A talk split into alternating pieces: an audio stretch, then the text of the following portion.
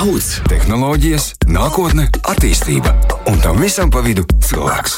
Aktuālākie zinātnes jaunumi - rītdiena īsumā. Rītdien īsumā ir laiks sācies. Sveicināts Artur Bernovski! Čau, Magnus, ar atgriešanos uh, raidījumos. Paldies! Atvaļinājums ir galā. Atkal, atkal varam tikties pirmdienās un runāt par svarīgām, Jā. svarīgām lietām un svarīgām tēmām, kas saistās ar, uh, ar tehnoloģiju un mūsu dzīvi. Un es jau radioklausītājiem nedaudz ieskicēju to, kas gaidām šajā, uh, šajā reizē. Jā, nu, mums pirms kāda laika, varbūt atceries, bija arī viesis kur mm, runājām par medicīnas tehnoloģijām kā tādām globālām. Un tur bija tāda, nu, izteiciens vai tāda virtuālā prognoze par nākotni, ka nākotnē būs tā, ka sēdēsim dīvānā, skatīsimies filmu, pēkšņi zvans pie durvīm, atveram durvis un tur priekšā jau ir ārsti. Un, ja mēs jautājam ārstam, nu, kāpēc jūs esat šeit, man taču ar veselību viss ir kārtībā. Mm -hmm. Bet tad ārsts prognozē, jā, bet nu, pēc piecām minūtēm tev būs sirdstrieka. Un uh, ar tādu domu, ka visi dati tiek analizēti un nākotnē jau mēs varēsim visu kaut ko paredzēt mūsu veselībai. Un kaut kas tāds jau šobrīd arī notiek. Un, jā, mēs šodien runāsim tieši par to, ka uh, tehnoloģijas šobrīd jau monitorē uh, mūsu veselību un kaut ko jau spēj prognozēt. Un mums ir viesis, jā, mums ir viesis Normons Daudišs, kurš ir inovāciju entuziasts un veselības jomas jaunu uzņēmumu UPO Life dibinātājs. Sveiks, Normons! Labvakar! Sveiks, Artūrs! Sveiks, Magnus! Jā, uh, pastāst, Norma, ko UPO Life dara? Jo mēs esam izskicējuši to tēmu, un ko UPO Life dara šobrīd šajā veselības tehnoloģiju jomā? Jā, nu, varbūt pirms es pie tā ķeros, varbūt lielo sveicienu visām dāmām šajā jaukajā dienā. Es ceru, ka tādas ir daudz, kā klausītājs arī e, nosūtīt.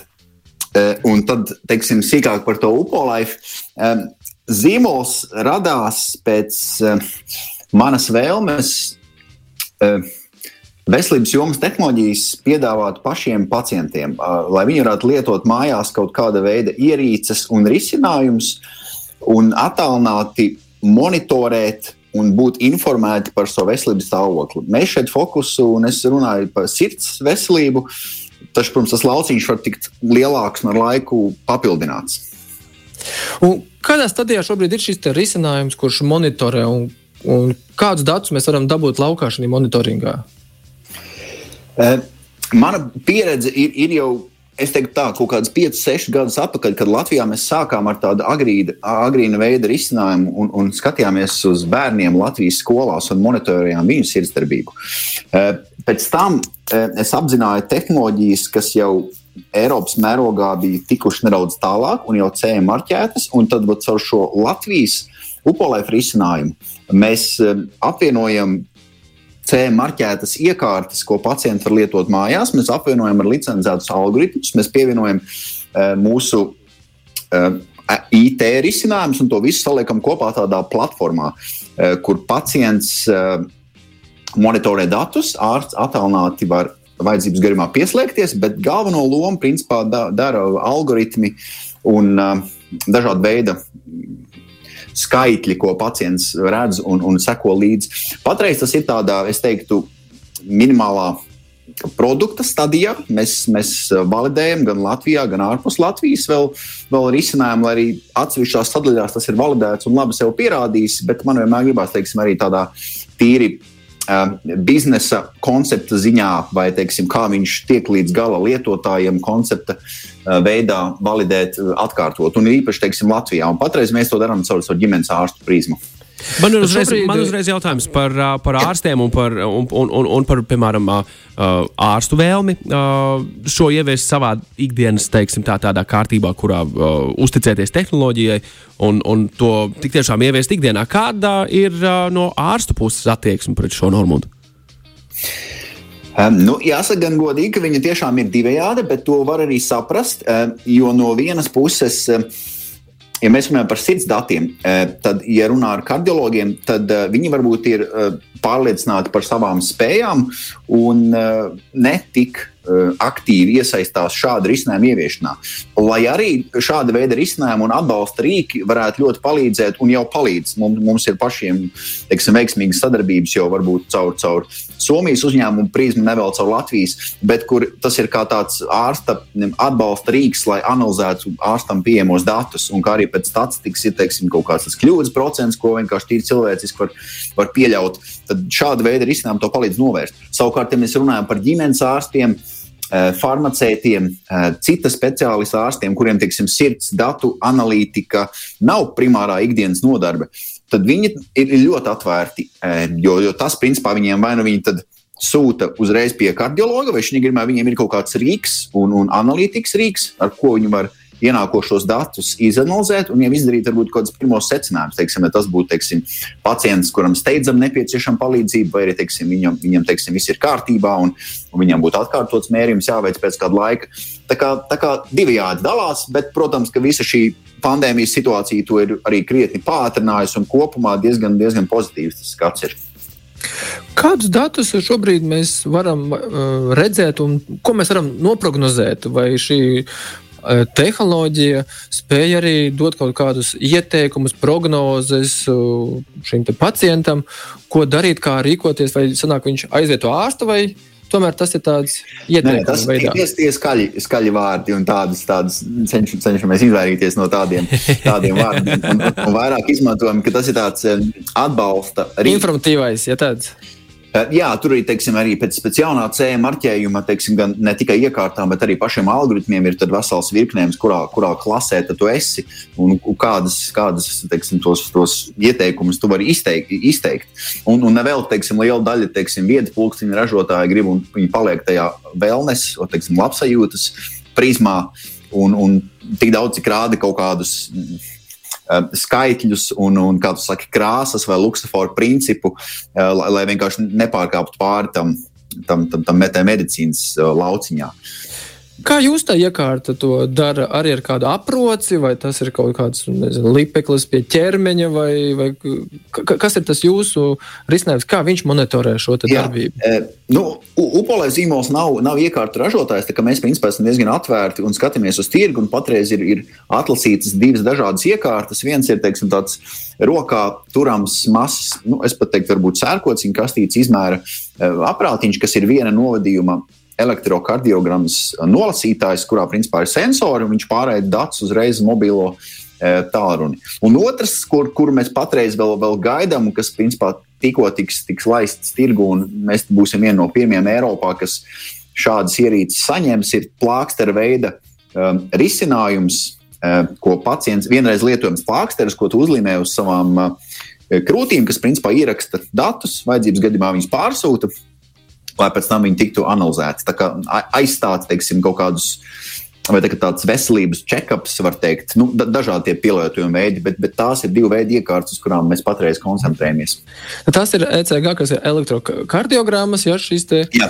Elektrokardiogrammas abas, abas divas. Abas divas. Vai arī Jā. no pulsa var kaut ko dabūt no šīm, te, kas ir um, skaneri, kas nav elektrokardiogrammas, bet šīs pulsa veidu?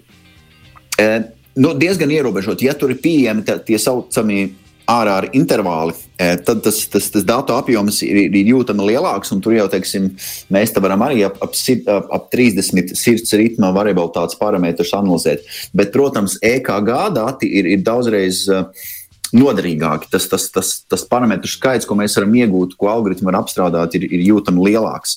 E, taču tagad tās, un mēs arī redzam, citu, pēc jaunākajām vadlīnijām no Eiropas kardiologa asociācijas, kad ir jau virkne e, šāda veida iekārtas iekļautas pie diagnosticējošiem rīkiem. Ja agrāk teiksim, tā bija teiksim, 12 novadījumu kardiogramā ārsta kabinetā, tad tagad jau tā var būt tieši tāda iekārta, kā, kā pie mums ir viena novadījuma elektrokardiogramma aparātiņš, maziņš, ko vai nu mājās, vai pie. Vai, vai jebkurā citā vietā, principā, viņš var tikt uzskatīts par, par diagnozi, ja tur kaut kāda aritmija tiek vai sirds problēmas tiek noķertas. Tā kā mainās arī vadlīnijas, un rekomendācijas un tehnoloģijas. Un, jā.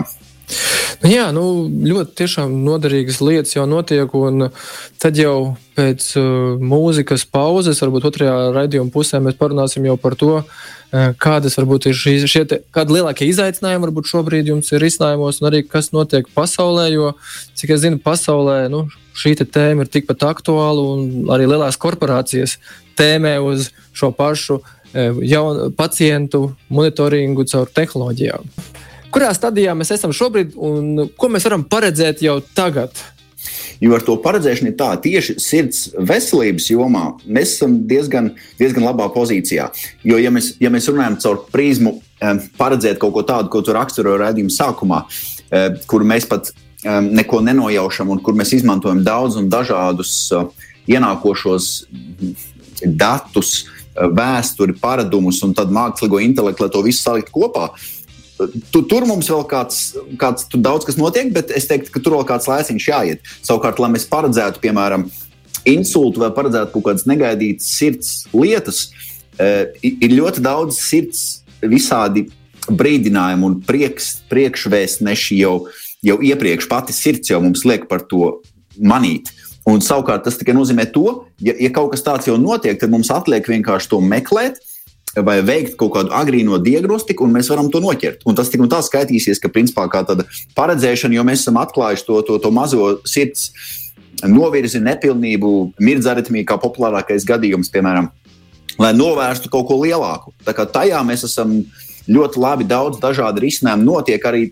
Tieši caur to prizmu mēs tepat Latvijā, caur, caur ģimenes ārstiem, tieši šāda veida agrīno diagnostiku patreiz veicam un testējam. Tā kā jā, tajā jomā ir, ir liels iespējas.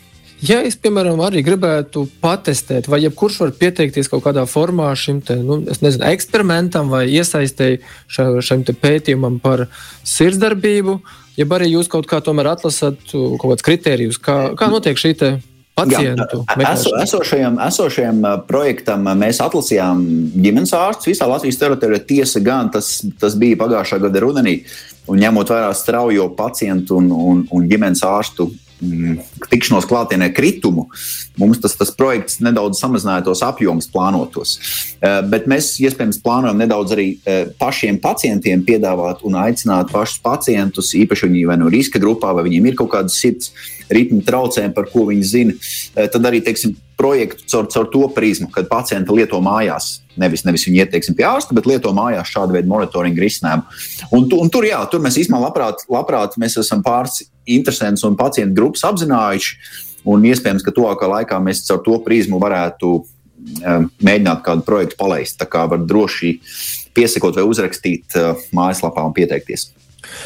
Kas ir tas periods, par kuru ir iespēja šobrīd nu, prognozēt vai, vai, vai redzēt, šīs, cik ilgā laikā ir iespēja kaut ko redzēt, ka radīsies problēma. Tas ir dienas pirms kaut kāda atgadījuma, nedēļas, kas ir tas periods, ko jūs šobrīd kaut ko jau varat patestēt? Nē, nē tie, tie var būt jau, ja saku, tie kaut kādi mazās sirds, sirds novirzes vai, vai mazās vai, vai nepilnības vai kaut kādi pārsitieni, tad tie, tie ir mēneši nu, tiešām diezgan pusgads, kā, kā, kā arī varbūt kā opcija, kad pusgadu iepriekš jau redzi, kad, kad sirdī kaut kas būtu nepieciešama uzmanība, vai, teiksim, vai nu tas ir ar kaut kādu dzīvesveidu izmaiņām vai medikamentiem, bet kaut kas būtu jādara. Ja, ja tas, teiksim, netiek darīts, tad tas var novērst līdz kaut kādām daudz smagākām uh, sekām. Nu, tas varbūt tiešām nu, nav, nav īsti prognozējams, jo ir ļoti daudz iesaistītie, uh, teiksim, tie aspekti šajā jautājumā, jā, bet, bet tas var būt mēneši, dienas tikpat labi.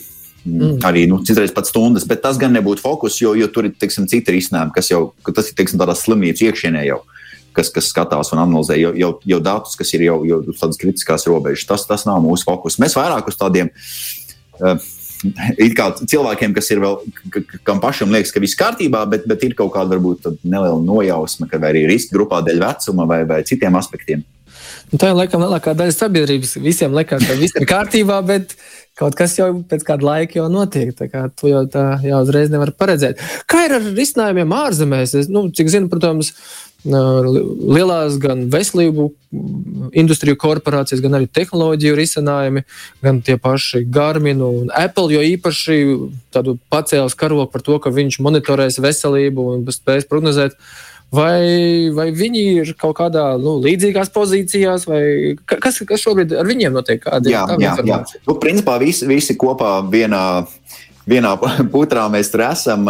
Lielie spēlētāji tiešām pēdējā, pēdējā laikā ļoti aktīvi veselības jomu redz kā daļu no, no, savām, no savas nākotnes vīzijas. Te es runāju gan par um, telekomunikāciju operatoru uzņēmumiem, mākoņu risinājumiem, tiem pašiem iekārtu ražotājiem, farmāciju kompānijām. Eh, tas pats Samsung arī tikko nesen Latvijā saprot, ir palaidis viedplūksteni, kur teiksim, ir vairākas jau inovatīvas lietas iekšā. Tas, protams, iet roku rokā ar pašiem sensoru ražotājiem. Sensoru ražotāji atļauj patreiz mums um, asinsspiedienu, uh, asins uh, skābekļa piesātiem asinīs uh, nomērīt no sensoriem. Mums ne, nevajag tam papildus uh, ierīces. Protams, var strīdēties par to datu uh, kvalitāti, bet viņi ir pilnīgi pietiekami, lai korelētu ilgtermiņā un sniegtu objektīvu rezultātu. Un, un šie risinājumi jau ir šajos vied, viedpulksteņos uh, šodien. Jā, jā, jā, šobrīd jau tiešām šie vietpunkti daudz datus mums var padot un kaut kādus ieteikumus arī dot. Gan, gan par miegu, gan par uh, uzturu, gan par uh, ikdienas gaitām. Un, jā, un, protams, šis viss balstās uz šiem mūsu veselības esošajiem datiem. Tas, kas man šobrīd varbūt tāds aktuāls jautājums būtu par uh, šo atbildību. Nu, ja šīs ierīces tiešām nu, spēj dot ieteikumus un mēs viņus varbūt ievērojam un izpildām, un viss ir kārtībā. Bet, ja pēkšņi viņa ieteikumi ir nepareizi, ja arī nu, viņu ieteikumu dēļ cilvēkam var rasties kādas nu, tiešām veselības problēmas. Vai ir kaut kāda, nu, ir, ir runāts jūsu industrijā arī par atbildību, varbūt šiem te tehnoloģiju uzņēmumiem jāuzņemas arī kaut kāda lielāka atbildība? Jā, nu tā, tā ir milzīga, milzīga tēma, protams, un, un tas pats, tikko, kamēr es paskatījos pirms rādījuma to, to Samsung jaunāko risinājumu, tad viņi arī lieliem burtiem, gan aplikācijā, gan mājaslapā visu raksta, ka, tas ir tikai tāds, tāds nu, Informatīvais materiāls. Jā, tieši tā, informatīvais tikai... materiāls lūdzu neizmantot kā, kā diagnosticējošo. Un, un arī mūsu gadījumā, protams, kad ārsts ir tas, kas pieņem kaut kādu gala lēmumu. Bet arī ar, ar visu to mēs redzējām, teiksim, kad, kad Amerikā Apple plaši palaida šo, šo kampaņu, tad ārsti pat bija diezgan neapmierināti, jo bija tik daudz tie, tie false, false nu, pozitīvi, kas patiesībā nav tie, tie gadījumi vienkārši kaut kā, kā noķert. Mums viss atkarīgs no algoritmiem. Jo vairāk mums ir datu, uz ko trenēt tos algoritmus, jo, jo labāk šādas tehnoloģijas paliks. Tas tikai normāli, viņas, viņas attīstās. Ehm, par atbildību, jā, patreiz ir diezgan daudz, kad gala lēmums jau kurā gadījumā būtu jāpieņem pie jāpieņem ārstam un medicīnas darbiniekam. Ehm, bet nu, tāpat, tāpat laikā ir atsevišķas valstis, kur to medicīnas darbinieku skaits ir, ir, ir niecīgs pret, pret to populāciju, kam būtu nepieciešama šāda risinājuma. Es esmu gan saskāries gan ar piemēram, Indijas un patreiz arī ar Ganas teiksim, nepieciešamību valstī. Un, un viņiem, protams, nav cita opcija, kā, kā, kā paļauties, jo fiziski nepietiek ārstu. Un tādās valstīs, protams, šādi, šādi risinājumi ir diezgan varētu diezgan milzīgu potenciālu un labumu pienest. Pat tad, ja tur būtu kāds, varbūt, kam, kam pozitīvi un kas liek aiziet pie ārsta kaut kur, pat tad ar, tā, ar, ar tiem dažiem gadījumiem kopumā, protams, tas pienesums būtu, būtu neatsverams šādām tehnoloģijām. Nu jā, nu mums jau arī Latvijā ir, kā redzams, veselības nozarē tomēr problēma ar nepietiekamību ārstu daudzumam. Un, nu, es domāju, ka tā problēma būs arvien globālāka visās valstīs, jo nu, Jā. cilvēku skaits aug. Bet, nu, jā, diemžēl veselības industrijā šie ārsti nav tik daudz, lai visi spētu nu, konsultēt un uzraudzīt. Un tehnoloģijas ir tās, kas palīdz jā, šo visu veidot. Un noteikti, ka esi bijis arī kādās nu, konferencēs un pasākumos, kuros ir arī līdzīgi varbūt, uh, risinājumi. Kā izskatās, nu, cik tālu varbūt mēs esam no tāda nu, mākslīgā intelekta uh, veselības industrijā, jeb uh, robota ārsta? Cik daudz varbūt uh, šobrīd tāds risinājums kā viedais ārsts, jeb virtuālais ārsts būtu jau pieejams? Nu, atsevišķās specialitātēs un nozarēs mēs esam diezgan tālu. Mēs, un to vienkārši liecina jau tas, gan CE, gan, gan Amerikas uh, FDA apstiprināt to gan algoritmu, gan risinājumu skaits. Viņš, viņš tiešām aug diezgan strauji, un tie visi risinājumi ir validēti uh, gadiem. Tas, tas nav tā, ka kaut, ko, kaut kas uz ātru izdomāts. Un, uh, tā, kā, tā kā mēs esam diezgan tālu tas uz, teiksim, uh, izaicinājumu, gan, protams, ir kopumā līdzīgi, ko mēs minējām. Un, un, protams, arī viena lieta, ko es gribētu vēl atzīmēt, ir teiksim, tas nozares sadrumstalotība. Jo, jo katrs šāds liels spēlētājs apzinās to vērtību tiem datiem, un arī tie paši Google un jau kaut kādu vai, vai jā, mūsu viedtelefonu ražotāji. Un, un viņi cenšas paturēt to pacientu attiecīgi savā nu, savā uzraudzībā. Un, un nav, nav tā, ka patreiz jebkurš visi dati dala, un visi dalās ar visiem, lai teiksim, varētu iegūt kopējā veselības aprūpas sistēmu. Daudz, daudz ražotāji varbūt tādus pavisam sensitīvos un tādus datus, kas um, varētu būt izmantojami, cenšas paturēt un komercializēt savā, savā uzņēmuma ietvaros. Kas arī no vienas puses ir saprotami, tas ir viņa biznesa modelis. Bet, protams, tas ir viens no izaicinājumiem veselības aprūpas sistēmā, arī tādā valstiskā līmenī, kad ir daudz un dažādas e-veselības risinājumu sistēmas. Latvijā vēl nē, bet, piemēram, Anglijā, kur, kur tas kur, kur, kur ir diezgan liels hauss ar, ar visādiem veselības risinājumiem, kas savā starpā citreiz pat, pat nesaprotās. Ja, es saprotu, ka jūsu risinājums vēl ir tādā nu, testa tādā režīmā vai eksperimentālā režīmā, bet vai ir bijuši kaut kādi tādi veiksmes stāsti, kur nu, ģimenes ārsts ir jums paziņojis, hei, nu, jums tehnoloģija prognozēja, un tiešām viss sakrita, un jūs izglābāt varbūt pat kādu dzīvību. Ir kaut kādi tādi, varbūt jau kliedzoši stāstījumi.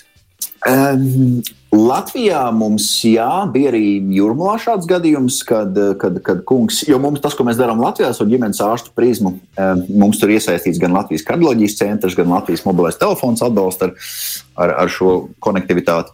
Un, un mērķis bija tieši meklēt šo mirdzu aritmiju, jo tā ir aritmija, ko pacienti nezina savukārt. Nu, tur var būt diezgan straujas uh, sekas tam visam. Un, un jā, uh, Eh, pacients, kuram tika piedāvāts vienkārši veikt šo mērījumu, tīri tā, lai apzinātu veselības stāvokli, mēs identificējām šo mirdzaritmiju, kas pēc tam tika vēlreiz apstiprināta.